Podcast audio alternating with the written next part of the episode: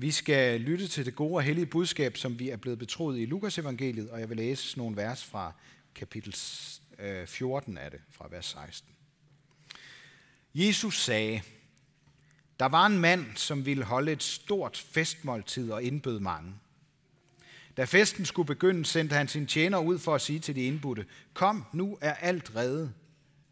Men de gav sig alle som en til at undskylde sig. Den første sagde til ham, jeg har købt en mark og bliver nødt til at gå ud og se til den. Jeg beder dig have mig undskyldt. En anden sagde, jeg har købt fem par okser og skal ud og prøve dem. Jeg beder dig have mig undskyldt. Og en tredje sagde, jeg har lige giftet mig, og derfor kan jeg ikke komme. Tjeneren kom tilbage og fortalte sin herre dette. Da blev husets herre vred og sagde til tjeneren, Gå straks ud på byens gader og stræder og hent de fattige, vandfører, blinde og lamme herind. Og tjeneren meldte, Herre, det er sket, som du befalede, men der er stadig plads. Så sagde herren til tjeneren, Gå ud på vejene og langs gærene og nød dem til at komme, så mit hus kan blive fyldt. For jeg siger jer, ingen af de mænd, som var indbudt, skal smage mit måltid. Amen. Jeg ved ikke, om I kender til den der dejlige følelse, det er at sætte sig til et veldækket bord med varm mad, der damper og dufter. Det er faktisk så godt, at, øh, at jeg en gang imellem lader Frida opleve det også derhjemme. Prøv så at forestille jer et kæmpe stort bord fyldt med de lækreste retter. Så rigeligt fyldt, at man har svært ved at holde fingrene for sig selv. For der er så meget mad, at ingen ville opdage, hvis man tog noget af det. Og både dem, der har forstand på vin, og dem, der ikke har, vil falde fuldstændig i svime over duften og smagen af årgangsvinen. En bedre vin, end man normalt selv ville købe. En, man kun ville drømme om. Det er sådan en fest, Jesus fortæller om, da han er budt indenfor hos en af de ledende farisæere. Han sidder i byens bedste selskab, sikkert med både god mad og god vin. Og det, der får ham i gang med at fortælle, det er en kommentar fra en af gæsterne. Om den er sagt for at være from, eller det er oprigtigt ment, det ved vi ikke, men han siger, salig er den, som sidder til bords i Guds rige. Og det er jo helt rigtigt, at et menneske kan opleve at sidde med ved festbordet i Guds rige. Men, men hvem gør det? Jøderne til festen, de regnede med, at de var selvskrevne. Men Jesus gør det klart, at det ikke siger sig selv.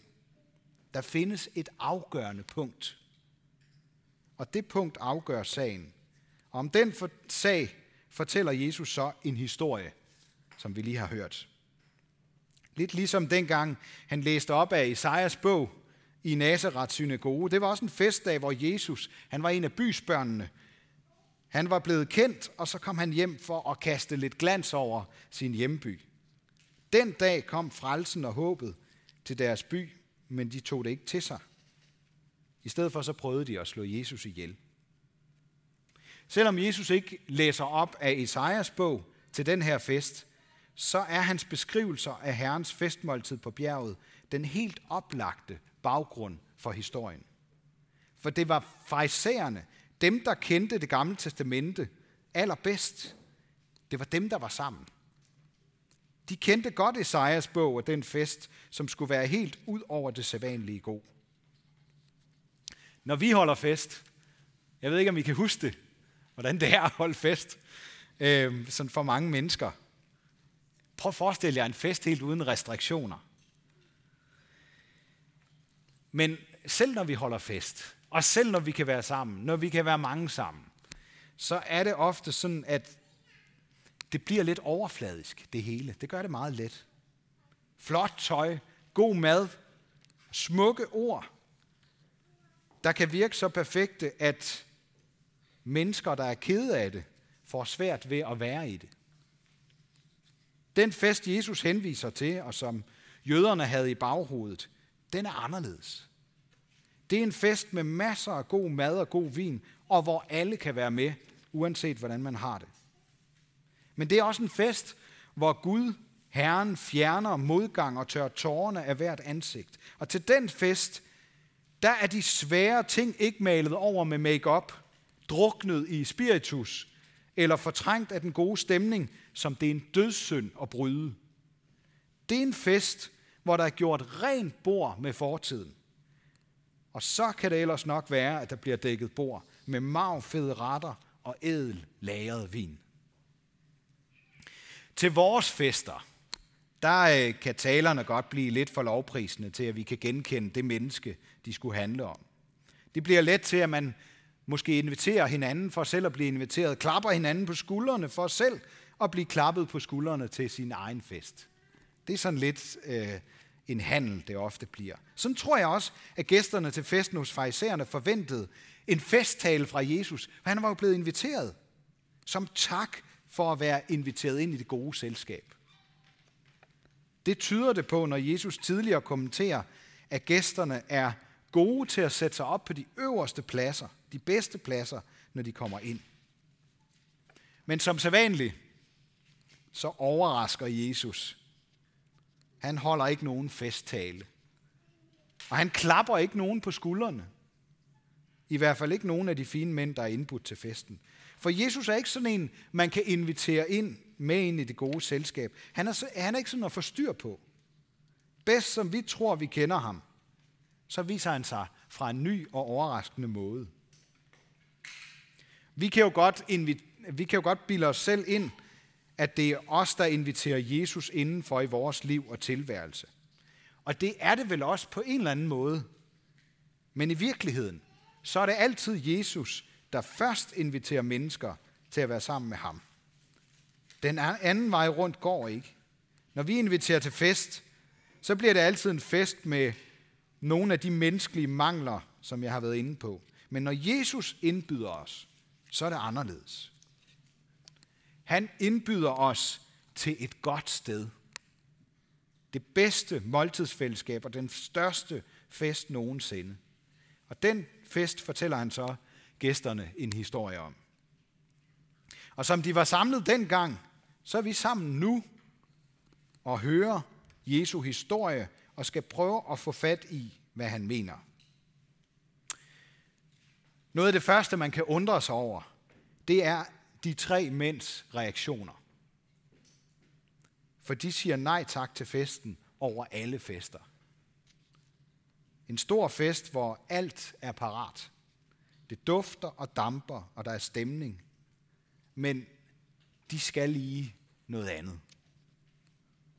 Okay, deres undskyldninger er måske ikke de aller værste, man har hørt. Hvem vil øh, forhindre nogen i at køre forbi og se det hus, de lige har købt, eller åbne den pakke, man lige har hentet på posthuset? Det er jo svært at lade ligge sådan noget. Og hvem vil forhindre en mand i at prøve en tur i sin nye bil? Og der er der ikke nogen, der forhindrer en mand i at tage på bryllupsrejse med den kvinde, han lige er blevet gift med. De tre mænd fra historien har sådan set alle en sund og en god nysgerrighed på livet. Det er der ikke noget galt med. Sagen er bare, at de går glip af noget, der er bedre end alt, hvad de ellers har oplevet. For alt det, de ejer, og som de er optaget af, er i virkeligheden ikke deres. Det er noget, de har fået af ham, som nu indbyder dem til noget endnu bedre. Efter historien, så siger Jesus noget ret markant og bemærkelsesværdigt. Den, der ikke giver afkald på alt sit eget, kan ikke være min disciple. Og det samme siger han gennem historien.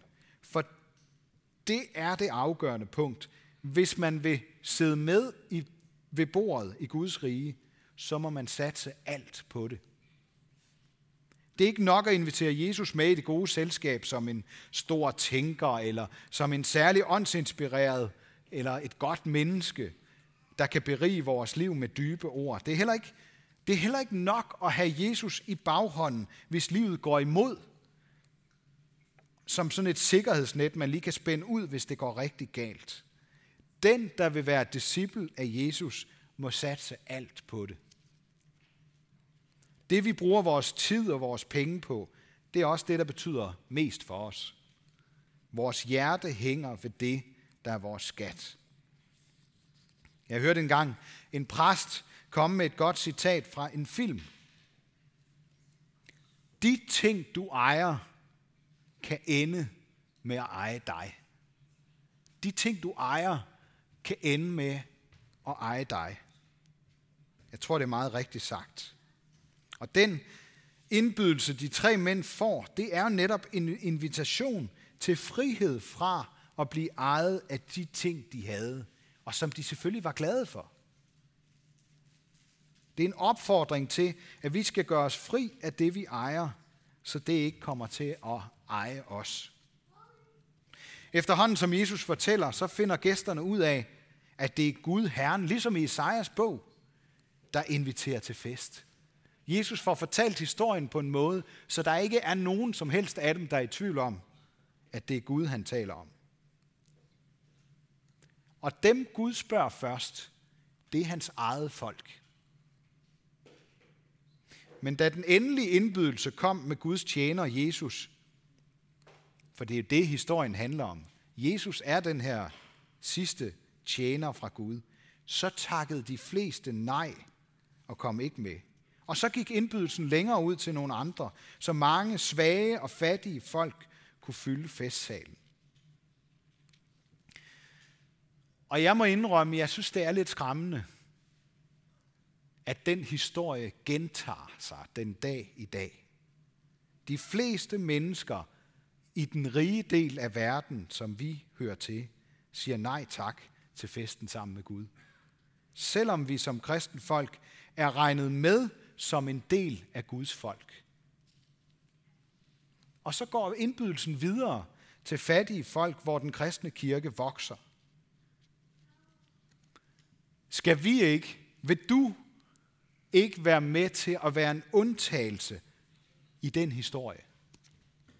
Ved at ikke at være så optaget af dit eget, at du siger nej tak til festen i Guds rige. Lad os følge apostlen Johannes opfordring til ikke bare at elske med ord og tunge, men med gerning og sandhed.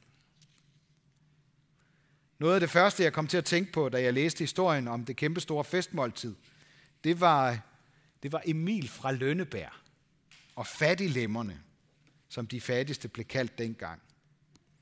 Ida og Emil, de går ned til fattighuset med en stor kurv julemad, men kommandusen, hun æder det hele selv. Og så tager Emil affære. Han befrier fattiglemmerne fra kommandusen og inviterer dem til julegilde med magfede retter og ædelagret vin. Der bliver en fryd og salighed uden ende. Ja, Tumle Jokum tror, han er kommet i himlen, fortæller Astrid Lindgren. Men så midt under ædegildet, så spørger Ida bekymret, jamen, jamen hvad med gæsterne i morgen? Hvad skal de så have at spise? Og så siger Emil, de er som end tyk nok i forvejen. Det der bedre, af maden kommer, hvor den gør nytte. Det minder utrolig meget om den historie, Jesus fortæller. De tre velstillede mænd, de har sådan set nok i forvejen. Men ude på gader og stræder, der er der fattige og krøblinge, der gerne vil med. For de ved godt, at det her, det er en gylden mulighed, de får. Jeg tror, vi kan lære meget af den historie, fordi Emil sætter handling bag ordene, selvom det kommer til at koste ham en tur i brændeskuret. Han offrer sig for de fattige. Det koster noget. Sådan er kærligheden. Den, der elsker, offrer sig selv og sit eget for dem, der mangler. Og de tre mænd fra historien og mange af de ledende jøder manglede åbenbart ikke noget. De havde nok i deres eget. De sad godt i det både socialt og økonomisk. Til dem holder Jesus ikke en smuk festtale, men han afslører i stedet for deres selvoptagethed og den fatale, dens fatale konsekvenser. Jeg tænker ikke på, at nogen af dem sikkert var med til at slå Jesus ihjel, det ved vi ikke noget om. Men på, at de, der sagde nej tak, ikke kom med til festen. Og det afgørende, det sker, når vi svarer på indbydelsen fra Gud. Kærlighedens Gud indbyder os med kærlighed, og vi opfordres til at svare igen med kærlighed. Han satte sit liv til for os. Og vi svarer konkret ved at hjælpe hinanden på samme måde i yderste konsekvens.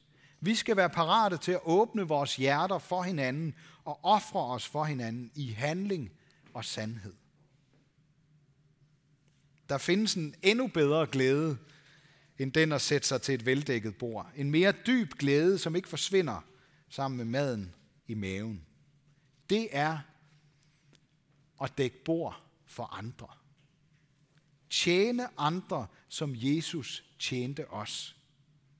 Lad sig tjene af ham og inspirere til at tjene andre. Indbyde andre til den store fest, sådan som vi er blevet indbudt til fest af ham. På den måde spreder vi glæde, mens vi er på vej til festen, helt uden restriktioner. Ære være Gud, vores far, der har skabt os i sit billede. Ære være Guds søn, der tog vores straf, så vi kan leve i frihed. Ære være Helligånden, ham der gør Guds kærlighed levende for os. Og så synes jeg, at vi skal rejse os op og stå sammen og komme med det her ønske for hinanden. Hvor Herre Jesu Kristi nåde, Guds kærlighed og Helligåndens fællesskab være med os alle. Amen.